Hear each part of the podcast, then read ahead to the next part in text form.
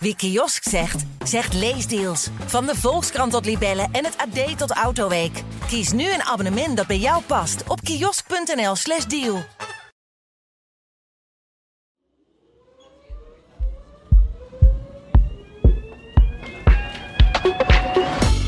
Horloge. Voor de een is het niet meer dan een praktisch sieraad, maar voor anderen is het meer dan dat. Een statussymbool. En zo gewild dat er mensen zijn die hun klokje in Amsterdam niet meer op straat durven dragen, uit angst beroofd te worden. Wat maakt horloges zo bijzonder en waarom zijn ze zo geliefd onder criminelen? In Amsterdam Wereldstad, een podcast van het Parool, bespreken we een Amsterdams fenomeen en geven we antwoord op de vraag: hoe zit dat eigenlijk? Mijn naam is Lorianne van Gelder. Welkom. Welkom terug bij een nieuwe aflevering van Amsterdam Wereldstad. En we gaan het vandaag dus hebben over horloges. Nu kun je denken, wat heeft dat met Amsterdam te maken? Maar onze stad is al een tijdje in de ban van de zogeheten Rolex Rovers of de Rolex Bende. En dat gaat zo, zelfs zo ver dat deze zomer een man op het terras had die uit het niets een doorgeladen pistool tegen zijn hoofd geduwd kreeg en werd verzocht zijn Rolex af te staan. Over dit bizarre verhaal en nog veel meer gaan we het hebben met Wouter Laumans, misdaadverslaggever van het Parool. Welkom Wouter. Hallo. En Robert-Jan Broer, die horlogeliefhebbers zullen kennen van fratellowatches.com, een horlogewebsite waar je ja, van alles schrijft over de nieuwste horloges en trends en uh, de achtergrondverhalen daarvan. Um, en je bent horlogeverzamelaar en liefhebber. Welkom, uh, Robert-Jan, om met jou uh, te beginnen. Wat heb je om? Ik heb vandaag een uh, Omega Speedmaster om. Dat is uh, wat ik eigenlijk verzamel. Ik heb ook wel andere horloges van andere merken, maar ik vind de Speedmaster, uh, ja, daar ben ik aan verknocht. Dus die, die verzamel ik en die heb ik vandaag ook daarom omgedaan. Wat maakt die zo bijzonder? Nou, verschillende dingen. ik hou heel erg van, van storytelling, wat bij een, bij een merk hoort of bij een horloge. En ik denk dat de Speedmaster eigenlijk het mooiste verhaal heeft van alle horloges. En dat is dat het gedragen is op de maan door astronaut van de NASA. Ah. En uh, nog steeds tegenwoordig wordt gedragen door uh, astronauten en cosmonauten. En ja, ik vind het ook gewoon een prachtig design. Het is heel erg afleesbaar. Het is een chronograaf, dus het heeft een stopwatch. En uh, het is eigenlijk een tijdloos horloge wat eigenlijk vanaf 1957 bijna ongewijzigd uh, wordt uitgebracht. Oké, okay, en hier spreekt al de totale kenner en een grote liefhebber en uh, nerd, als ik dat uh, mag zeggen. Ja hoor. Want dit is niet alleen je werk, je bent verzamelaar. Hoe is dat ooit zo gekomen? Nou, als kind zijnde vond ik horloges leuk. Ik, uh, ik ben geboren in 77, dus ik ben eigenlijk helemaal niet van het mechanische horloge. Uh, daar ben ik niet mee opgegroeid. Dus ik groeide op met de, met de Casio's en de G-Shocks en later Swatch natuurlijk. Dus een belangrijke rol gespeeld. Juist. Ja. En Swatch is, uh, is kwarts, dus wel met wijzertjes. Dus analoog, maar met een batterijtje. En in de jaren 90 is dat eigenlijk doorgezet en kwam ik in aanraking met, ja, met, met mechanische horloges of luxe horloges eigenlijk. Wat is, is dat opwind? Ja, opwinden. Dat kan uh, met de hand. Dus uh, dat je aan de kroontje moet draaien om uh, een veer op te winden. En daar komt de energie vandaan. Of door middel van polsbeweging. Dus er zit er een, een rotortje in dat ronddraait en die wint een veer op. Dus dat zijn de, eigenlijk de twee mogelijkheden die, die je hebt voor mechanische horloges. En als het niet mechanisch is, dan is het vaak kwarts, dus met een batterijtje. En toen ben je ooit Fratello Watches uh, begonnen en dat is nu ook echt je werk. Ja, eigenlijk wel. Ik, uh, ik heb een IT-achtergrond en uh, toen ik begon met, uh, met werken, 2002 of 2003, toen was de markt vrij beroerd, omdat alles was geclashed. En um, dus ik heb toen een baan aangenomen in de IT en dat, dat vond ik eigenlijk niet heel, niet heel geschikt voor mij. En toen ik was al snel verveeld. Dus toen ben ik een uh, blog begonnen over horloges tijdens mijn werk. Uh, nogmaals dank voor dat uh, werkgever. En dat is eigenlijk uitgegroeid tot, ja, tot, tot mijn werk. Ik heb dat tien jaar geleden heb ik besloten om dat fulltime te gaan doen. Ik had ondertussen wel een leuke baan bij een investeringsbank in Den Haag. En, uh, maar daar lag mijn passie niet. Mijn passie ligt echt bij horloges. En op een gegeven moment kon ik de, de overstap maken door het fulltime te gaan doen. Dus ik doe dat nu tien jaar fulltime. Maar ik ben eigenlijk 18 jaar geleden al begonnen met schrijven over horloges. Ja, en dat is echt geen kleine business. Hè? Jullie hebben echt enorm veel bezoekers per Ja, we zijn de op één na grootste online horloge magazine in de wereld eigenlijk. Ik heb vanaf het begin af aan besloten om in het Engels te schrijven, omdat je wat grotere doelgroep hebt. En dat, uh, nou, dat heeft goed uitgepakt. Dus we hebben uh, meer dan 2 miljoen bezoekers per maand. En we zijn ongeveer met 20 mensen. En wat is er nou zo bijzonder aan horloges? Ja, dat, dat is eigenlijk verschillend per persoon. Wat ik net al zei, uh, wat voor mij belangrijk is bij een horloge natuurlijk het ontwerp. Dat moet me aanspreken. En je kunt iets mooi vinden of niet mooi vinden. Dat is heel persoonlijk. Maar uh, ja, het is gewoon eigenlijk een klein mechaniekje of een klein kunstwerkje om je pols. Dus sommige mensen houden ook van, van auto's of klassieke auto's. Dat is ook leuk. Maar meestal kun je dan beperken, hè, afhankelijk van de ruimte die je hebt. Met horloges kun je daar wat, wat, wat verder in gaan. Ja, je kunt moeilijk tien auto's bij je rijtjeshuis zetten. Ja, precies. Dat wordt wel ingewikkeld. En ehm, maar met horloges heb je daar natuurlijk geen last van. En ik, ja, ik vind eigenlijk het, het handwerk wat er aan zit, vind ik heel mooi. De, de, de, vakmanschap die daar nog steeds plaatsvindt. Vooral met mechanische horloges, waar heel veel zaken nog met de hand worden afgewerkt. Ja, dat vind ik gewoon prachtig. En Wouter, uh, zie jij dat ook zo? Ja, ik vind horloges ook leuk. Um, Wat heb jij om? Laten we dat ook Ik heb ook een Omega uh, Speedmaster, een oud bakkie uit uh, 1971 komt die. En, en niet zo'n zo'n flitsend apparaat als wat Robert Jan nog een van die is goud. maar ook ik heb, ja, ik ben ook een beetje gebeten door het horlogevirus. Ik vind het ook heel leuk. En het is, ja, ik zie het altijd als een, ze noemen het wel zo'n medaille om je pols. En zo zie ik het eigenlijk ook. Het is een soort, eigenlijk het enige geaccepteerde sieraad voor een man. Ik hou niet van kettingen en ik hou niet van armbanden en dat soort dingen. Ik vind een horloge mooi. Uh, en ja, ik heb ooit een keer uh, een, een, horloge gekocht. En toen was ik een, een mechanisch horloge heb ik ooit gekocht. Die kon ik eh, via een vriend van mij krijgen. Die zei van, ja, je moet eens een keer een echt horloge kopen. Nou ja, ik, ik dacht, ik vond dat een mooi horloge. Dat was hetzelfde horloge wat Magnum vroeger altijd op, om had in, uh, in de televisieserie. Kijk eens. Ja, en toen dacht ik, nou ja, die moet ik hebben gewoon. Dat vind ik, als klein jongetje vond ik Magnum cool. Dus toen dacht ik, nou, dan, dan koop ik. En toen was ik eigenlijk, toen, vanaf dat moment was ik verkocht. En hoe is dat eh, ja, daarna verder ontwikkeld? Want je bent er best wel in ingedoken. Is, heeft het ook iets met je werk te maken? Nou ja, kijk, die horlogewereld die bestaat, heeft eigenlijk twee kanten. De ene kant is een beetje, dat zijn een postzegelverzamelaar-achtige priegelaars. Die hebben, dat vind ik heel charmant. Weet je wel, dat zijn de mensen die oh, op een bepaalde wijzerplaat of wat wijzertjes en, en een uurwerkje, dat gepriegel en gepruts. En dat lijkt eigenlijk een beetje op postzegel verzamelen. En er is de andere kant. En dat is echt een beetje de, de, de flitsende kant van het, van, van het grote geld. Horloges die een, een ton of meer uh, kosten. En, en, en, ja, die geassocieerd worden met, met patsen en zo. Nou, in mijn werk als misdaadverslaggever heb je, als je iets weet van horloges, heb je altijd een gespreksonderwerp. Oh Want uh, de doelgroep of de mensen waar ik over schrijf, die uh, zijn ook uh, vaak wel gecharmeerd van dure horloges. dus je legt je arm op tafel en je hebt meteen een gespreksonderwerp? Nou, niet zozeer dat, maar ik heb wel eens gehad dat ik zei van, hé, hey, dat is een apart horloge, heeft die en die, heeft dat die en die wijzerplaat. Nou, dan heb je toch, de, het is een andere binnenkomer van een gesprek wanneer, dan wanneer je gelijk over iemand zijn strafzaak begint, oh, zal ik maar zeggen. Ja, dus... Maar ik, ik, ik bedoel, is, en dat is niet alleen criminelen. Ik bedoel, advocaten uh, hebben, uh, uh, sommige advocaten zijn horlogeliefhebbers. Ik ken mensen bij de politie die een mooi horloge om hebben. Dus, dus het, het, komt echt in alle gelederen voor. Kijk, het wordt vaak geassocieerd met patsen. dat vind ik altijd een vrij Calvinistische opvatting. Omdat ik denk van ja, als je in Italië komt en je loopt daar de pizzabakker in, dan is het helemaal niet gek om degene die daar die met deeg in de rond te staan te gooien, als die een, uh, een Rolex Submariner om heeft of zo. Dat is daar wordt dat niet als gek beschouwd, maar hier is het in Nederland zo, oh, nou duur en patserig. Ja, dan denk ik, ja, weet je, ik, het is, ik, ja, dat, dat voel ik niet helemaal ja, zo. Ja, daar houden we niet van. Wat, wat betekent het dan om een duur horloge te dragen hier in Nederland? Nou ja, het wordt hier dus al snel geassocieerd met poenig gedrag. En ik denk dat dat onzin is. Ik denk dat mensen dat zelf mogen weten wat ze om hebben. Ja. En dat dat gewoon heel particulier is. Als jij je heel veel geld wil uitgeven aan een elektrische fiets. Of je wil heel veel geld uitgeven aan een horloge. Dat moet je echt helemaal zelf weten. Daar, ja. daar, daar, vind ik. Of, of je, wil, je houdt van een oude sportauto of een nieuwe sportauto. Of je vindt het leuk om geld uit te geven aan, een, aan bergsportartikelen. Die mensen heb je ook. En dat kan ook heel duur zijn. Snap je?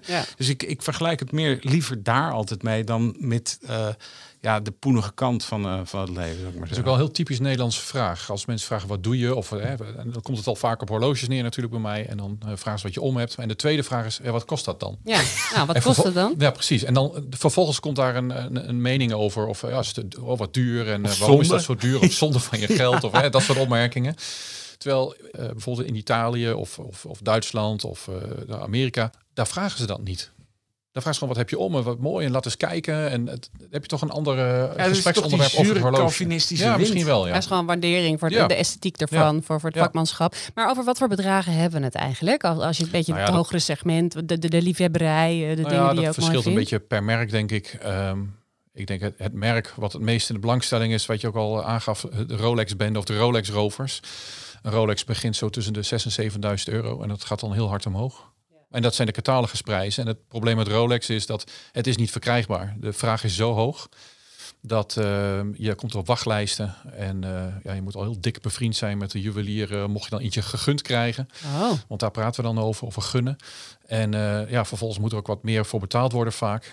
Um, dus ja, de prijs die in de catalogus staat is bij Rolex niet de prijs die ervoor betaald wordt. Die is soms vele malen hoger. En het kan oplopen tot, waar hebben we het over? Tonnen. Ja. Ja, ja. En, en dan is Rolex eigenlijk nog uh, qua prijs uh, een middenmotor. Je hebt, uh, je hebt Zwitserse, Zwitserse uurwerken die nog veel, horloges die nog veel duurder zijn dan, dan dat. Hè, ik bedoel, als je Rolex is toch, ja, ik zeg het altijd, maar misschien een beetje oneerbiedig, maar is toch een beetje de, hoe zeg je dat, de Volkswagen eh, in de horloges, hè? Of, of misschien de Mercedes. Maar je hebt echt wel de Ferrari, uh, Patek Philippe of zo, of, of uh, Audemars Piguet. Dat zijn wel merken die, die, die hoger in aanzien staan dan uh, Rolex. Ja. Alleen ze zijn minder populair. Dat is het. Uh, minder bekend.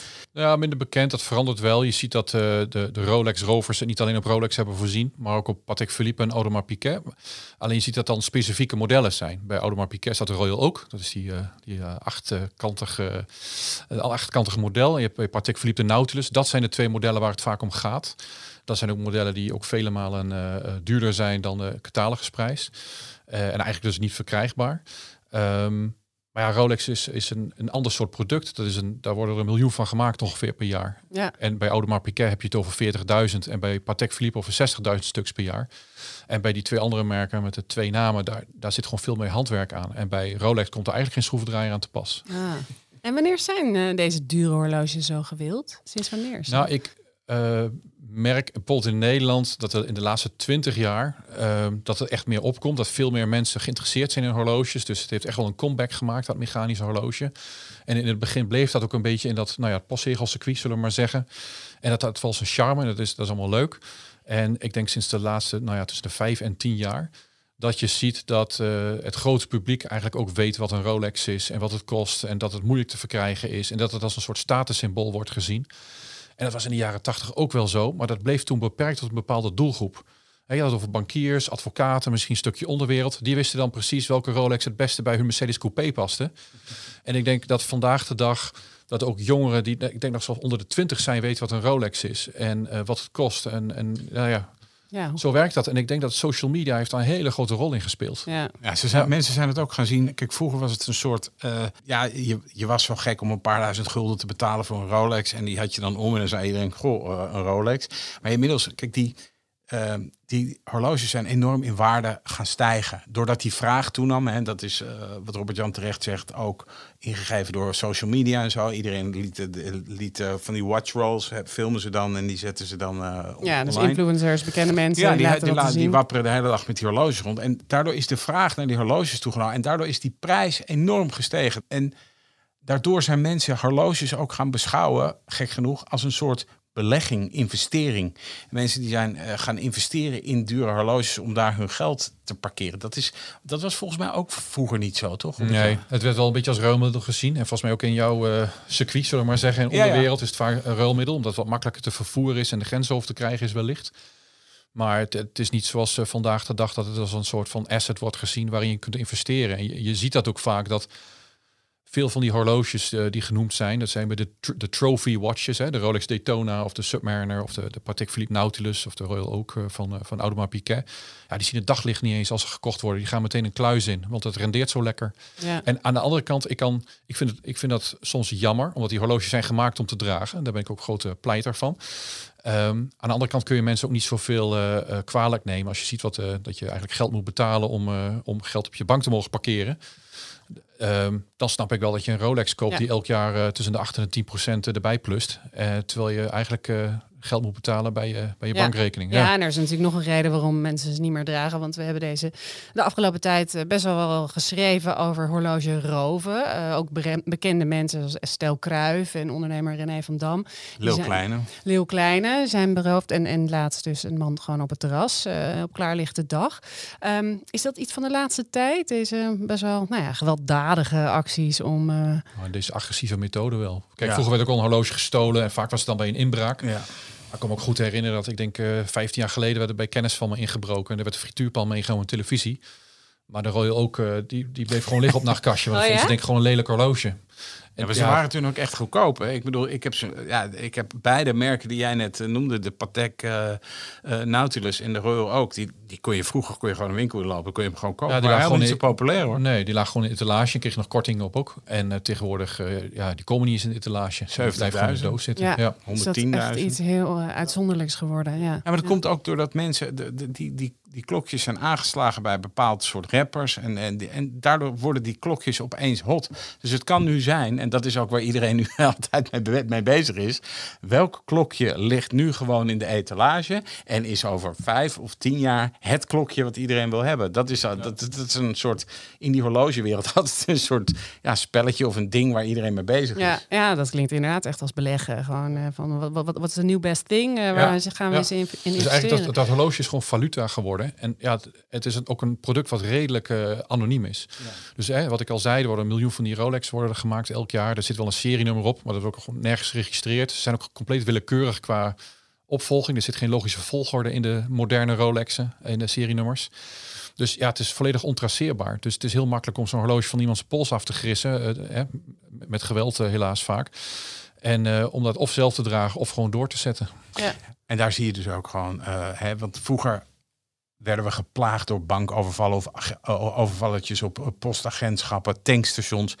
Er is bijna geen contant geld meer. Ik bedoel, als je s'avonds in de horeca uitgaat, iedereen legt de hele tijd zijn zijn pinpas of zelfs zijn telefoon op dat betaalapparaat. Dus er is nergens meer contant geld halen. En, er is, en dat is dus, die horloges vertegenwoordigen gewoon eigenlijk cash. En als mensen daarmee zie je dus ook die verschuiving dat mensen denken van wacht even, als ik nu vanavond een overval pleeg op een tankstation of op een restaurant en dan haal ik misschien nou 8000 euro cash of ik kan een heel duur horloge van iemand zijn pols afgrissen. Uh, die geef ik een paar klappen. Dat is, uh, en vervolgens kan ik dat horloge wegzetten voor nou Kijk, bij, bij, bij uh, heling is het altijd, was het vroeger altijd de helft van de helft. Dat is de waarde. Hè, als je gestolen goederen wil kopen. Dat is een beetje ja, wat, wat, wat de gangbare tarieven zijn voor heling. Maar een gestolen Rolex, die kun je eigenlijk gewoon verkopen voor goed. Alsof hij echt is, alsof hij niet gestolen is. Omdat dus van 15.000 kun je gewoon weer doorverkopen. Nou ja, je, je, rijdt naar Antwerpen, je gaat daar langs eh, een aantal horlogehandelaren. Je hebt een horloge van 15.000 euro in je handen. En als jij zegt, joh, eh, voor, voor, voor 10.000 euro mag je hem hebben, dan zal er wel iemand happen. Dus dat, is, dat is dan al een stuk lucratiever dan de helft van de helft. Ja, ja. En voor criminelen is het dus, wat, wat, wat Robert Jan zegt, dus ook echt valuta. Uh, ja. Nemen ze gewoon een horloge mee uh, op vakantie en dan... Uh, nou ja, als jij, als jij, ze hem in voor cash. Als jij een Patek Philippe om hebt van 120.000 euro en je stapt op het vliegtuig en je gaat vliegt naar, nou, laten we zijn land noemen, Dubai. En je doet hem daar af en je verkoopt hem daar voor, weet ik veel, 100.000 euro. Dan heb jij 100.000 euro eigenlijk van A naar B vervoerd, toch? Ja. Zo simpel is het. In, in plaats van dat er een douane en, uh, is die dat, en dat horloge En dat horloge is over de hele wereld dus hetzelfde waard. Ja. Dus je hebt gewoon, en je kan het ook opzoeken online. Je hebt uh, Chrono 24, dan wil ik over de waardebepaling van Chrono 24 kun je ook wel... Uh, ja, het, is vrij, het zit, zit vrij goed in de buurt. ik weet, die ik, het ik, bepaalt. Ja. nou ja, het is een soort marktplaats voor horloges. Hè. Dus ik ja. vergelijk met een Autoscout of Funda, maar dan voor horloges. We hebben ongeveer 100 miljoen bezoekers per maand. En er worden 500.000 horloges aangeboden van allerlei handelaren, dealers en dergelijke. En daar doen ze een soort van waarde, geven ze aan waar de, wat, waarvoor het wordt aangeboden. Maar tegenwoordig laten ze ook zien waar het voor weggaat. En daar pakken ze een, een gemiddelde van. Dus het zit niet heel ver van de werkelijkheid af. Um, maar ja, het is gewoon in zicht, het is transparant. En dat was voorheen natuurlijk niet. Um, ik denk voor 2005, voor, twee, voor het jaar 2000 was dit er gewoon niet. En uh, ja, tegenwoordig kan iedereen zien wat het waard is. Dus al die prijzen liggen ook wereldwijd redelijk gelijk. Ja, dus internet heeft ook een grote invloed gehad. Zowel ja, via social media als die sites. Ja, maar als crimineel kun je dus in feite kijken. Ik zit in een kroeg. Ik zie daar iemand zitten met een gouden horloge om. Ik denk, hé, hey, wat is dat voor een horloge? Is dat, is dat die GMT Master? Is je opent de gewoon 24 app. Ja, en je, en kijkt wat, wat de potentiële buiten is. Ja. Ja, ja. Zo, zo, zo, en dat gebeurt. Hè. Je Mensen kunt bijna worden... in iemands portemonnee kijken. Dus ja, eigenlijk. eigenlijk wel. Ik, ik, zit bij die strafzaken. En wat er dus gebeurt is dat mensen spotten in de horeca. Die spotten gewoon dure horloges. En die man die, uh, die uh, op het terras in de Beethovenstraat afgelopen zomer een wapen op zijn hoofd kreeg. Ja, die had een horloge om. Nou, dat liep echt in de vele tienduizenden euro's qua waarde. Er zit daar iemand die denkt, hey, hij heeft, uh, dat, is een, dat, is, dat is die klok. Die, nou, en dan met andere woorden, als jij dus die man berooft.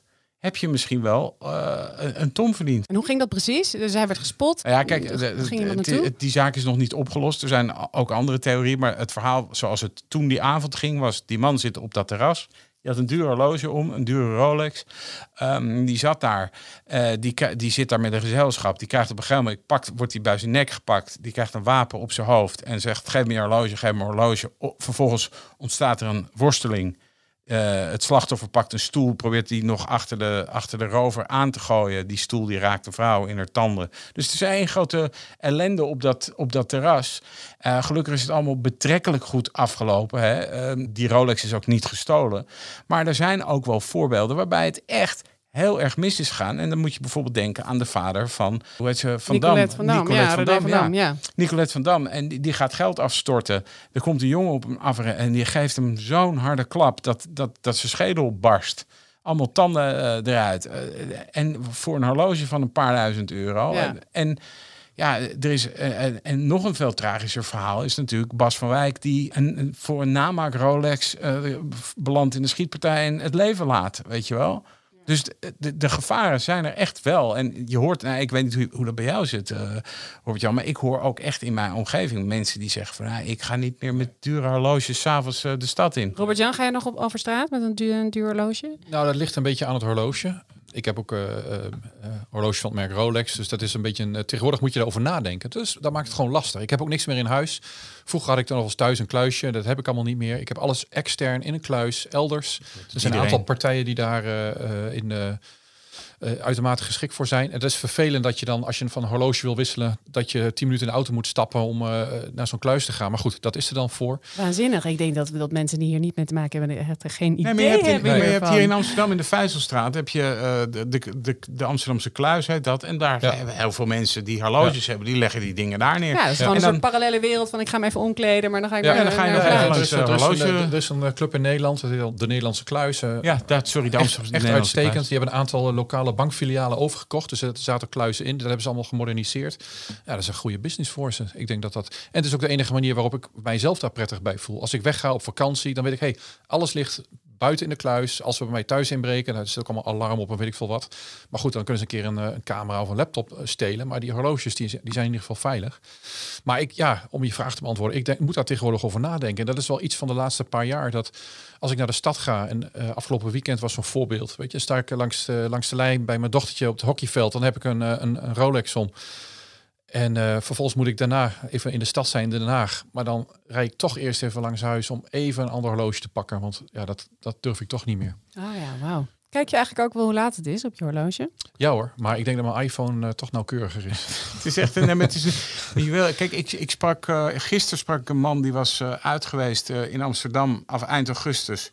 Wat oudere man. En die hij heeft ooit in 19. Wat zei hij? hij? Hij zei: Ik heb ooit in 1982 heb ik een Rolex gekocht. En die kostte toen wel 2700 gulden of zoiets, zoiets zei hij. En die man die gaat uit met zijn korte mouwtjes. Die, die, die gaat bier drinken op het spui.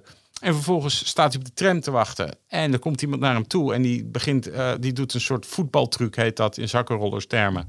En die trapt die man twee keer tegen zijn benen en die grist dat horloge af. Nou ja, en dat is buitengewoon vervelend, hè, dat je je horloge kwijtraakt. Maar deze man, die zegt vervolgens, ja, ik heb daar nachtenlang niet van geslapen. Dat Ja, is dus een heel aangrijpende misdaad. En eh, er zijn nog veel gruwelijkere verhalen van handelaren die bijvoorbeeld beroofd zijn en eh, wapens op hun ho- hoofd hebben gekregen en dat soort dingen. Dus het doet wel iets met de beleving van die hele horlogewereld. Dat, vind- Ja. dat vind ik wel. Ja, het, het is niet alleen in Nederland. Eh, het werd afgelopen week werd gepubliceerd dat tot nu toe in Londen zijn er meer dan 630 eh horloge-gerelateerde overvallen geweest. Zo, dat is echt heel Dus veel. het kan de politie, politie hier iets aan doen? Nee, ja, je kunt meer, eh, misschien eh, meer patrouilleren, maar dat, volgens mij is dat een capaciteitsdingetje. Ik, ik kan me ook haast niet voorstellen dat je dit soort dingen kan uitbannen. En je hebt wel agenten die, eh, begrijp ik, op de wallen rondlopen met een soort lokhorloges. hè, ja. Om te kijken of Ja, daar iemand je er één op en Ja, dan dat pak je is er het dan. op. En het, en het is echt gewoon, het, het is echt heel Het, gewelddadig. het moet meer een stukje bewustwording zijn, denk ik, bij mensen. Dat eh, let goed op wat je draagt. Denk er even over na van tevoren. En helaas is het het zo dat je gewoon niet altijd meer je mooie horloge om kunt. Dat, dat is nou eenmaal zo. Ja, Ja. ja. Ja, dus je moet er echt gewoon heel geheimzinnig over doen, bij wijze Ja, van spreken. ja, het, het is ja. eigenlijk eh, hoeveel je op je bankrekening hebt staan, maar dan Op eh, je pols. je- om Ja, je pols. Ja. Ja, maar het is, eh, weet je wel, het is natuurlijk niet per se heel goed voor de handel, hè, dit, dit soort verhalen. Kijk, vroeger eh, was het zo van, joh, ik, ga- ik ga mezelf eens tracteren op een mooi horloge en dat kan ik dan omdoen. En dat, ja, je hebt dit beïnvloed hoe dan ook wel enigszins de handel, omdat je denkt van ja, oké, dan geef ik, geef ik 5000 euro uit en straks dan, dan, dan, dan, dan word ik voor mijn kop geslagen omdat, omdat iemand het ding van mijn arm wil. eh, Of ik kan af- hem nooit omdoen om het nooit Ja, zien, want dus- het Nou, ligt je kunt er altijd over in de debatteren of de handel er niet eh, deels eh, debet dan is. Ik wil niet zeggen dat ze verantwoordelijk zijn voor allerlei gewelddadige overvallen. Helemaal niet. Maar de manier waarop horloges verhandeld worden en eh, met, hoe, met, met het gemak, hoe er over veel geld wordt gesproken. Is Ja. natuurlijk, Klopt. ja, dat, dat, dat spreekt boekdelen. Het, het, alsof het allemaal niks is. En op social media, die, de, de handelaren die hebben ook social media kanalen gevonden om hun waar aan te prijzen.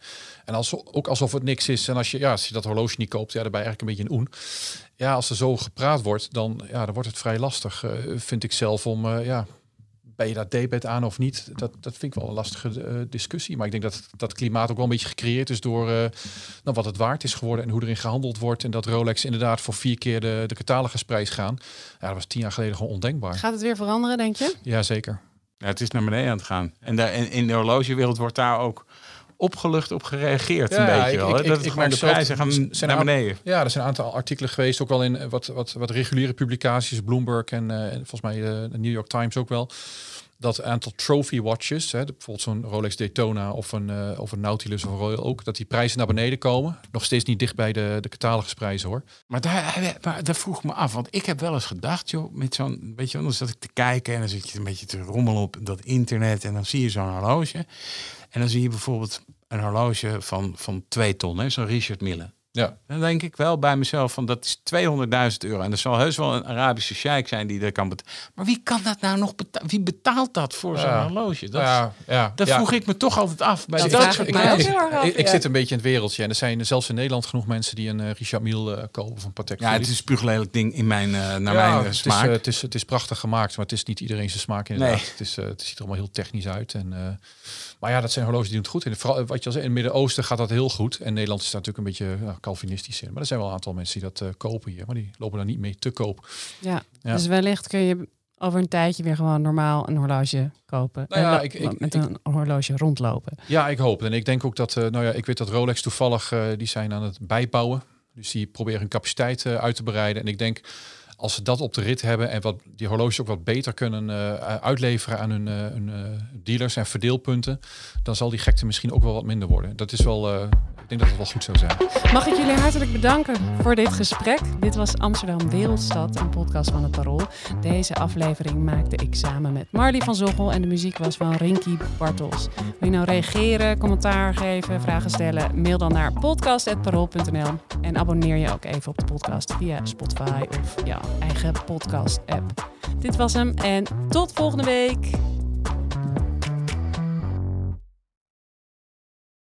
Wie kiosk zegt, zegt leesdeals. Van de Volkskrant tot Libellen en het AD tot Autoweek. Kies nu een abonnement dat bij jou past op kiosk.nl/slash deal.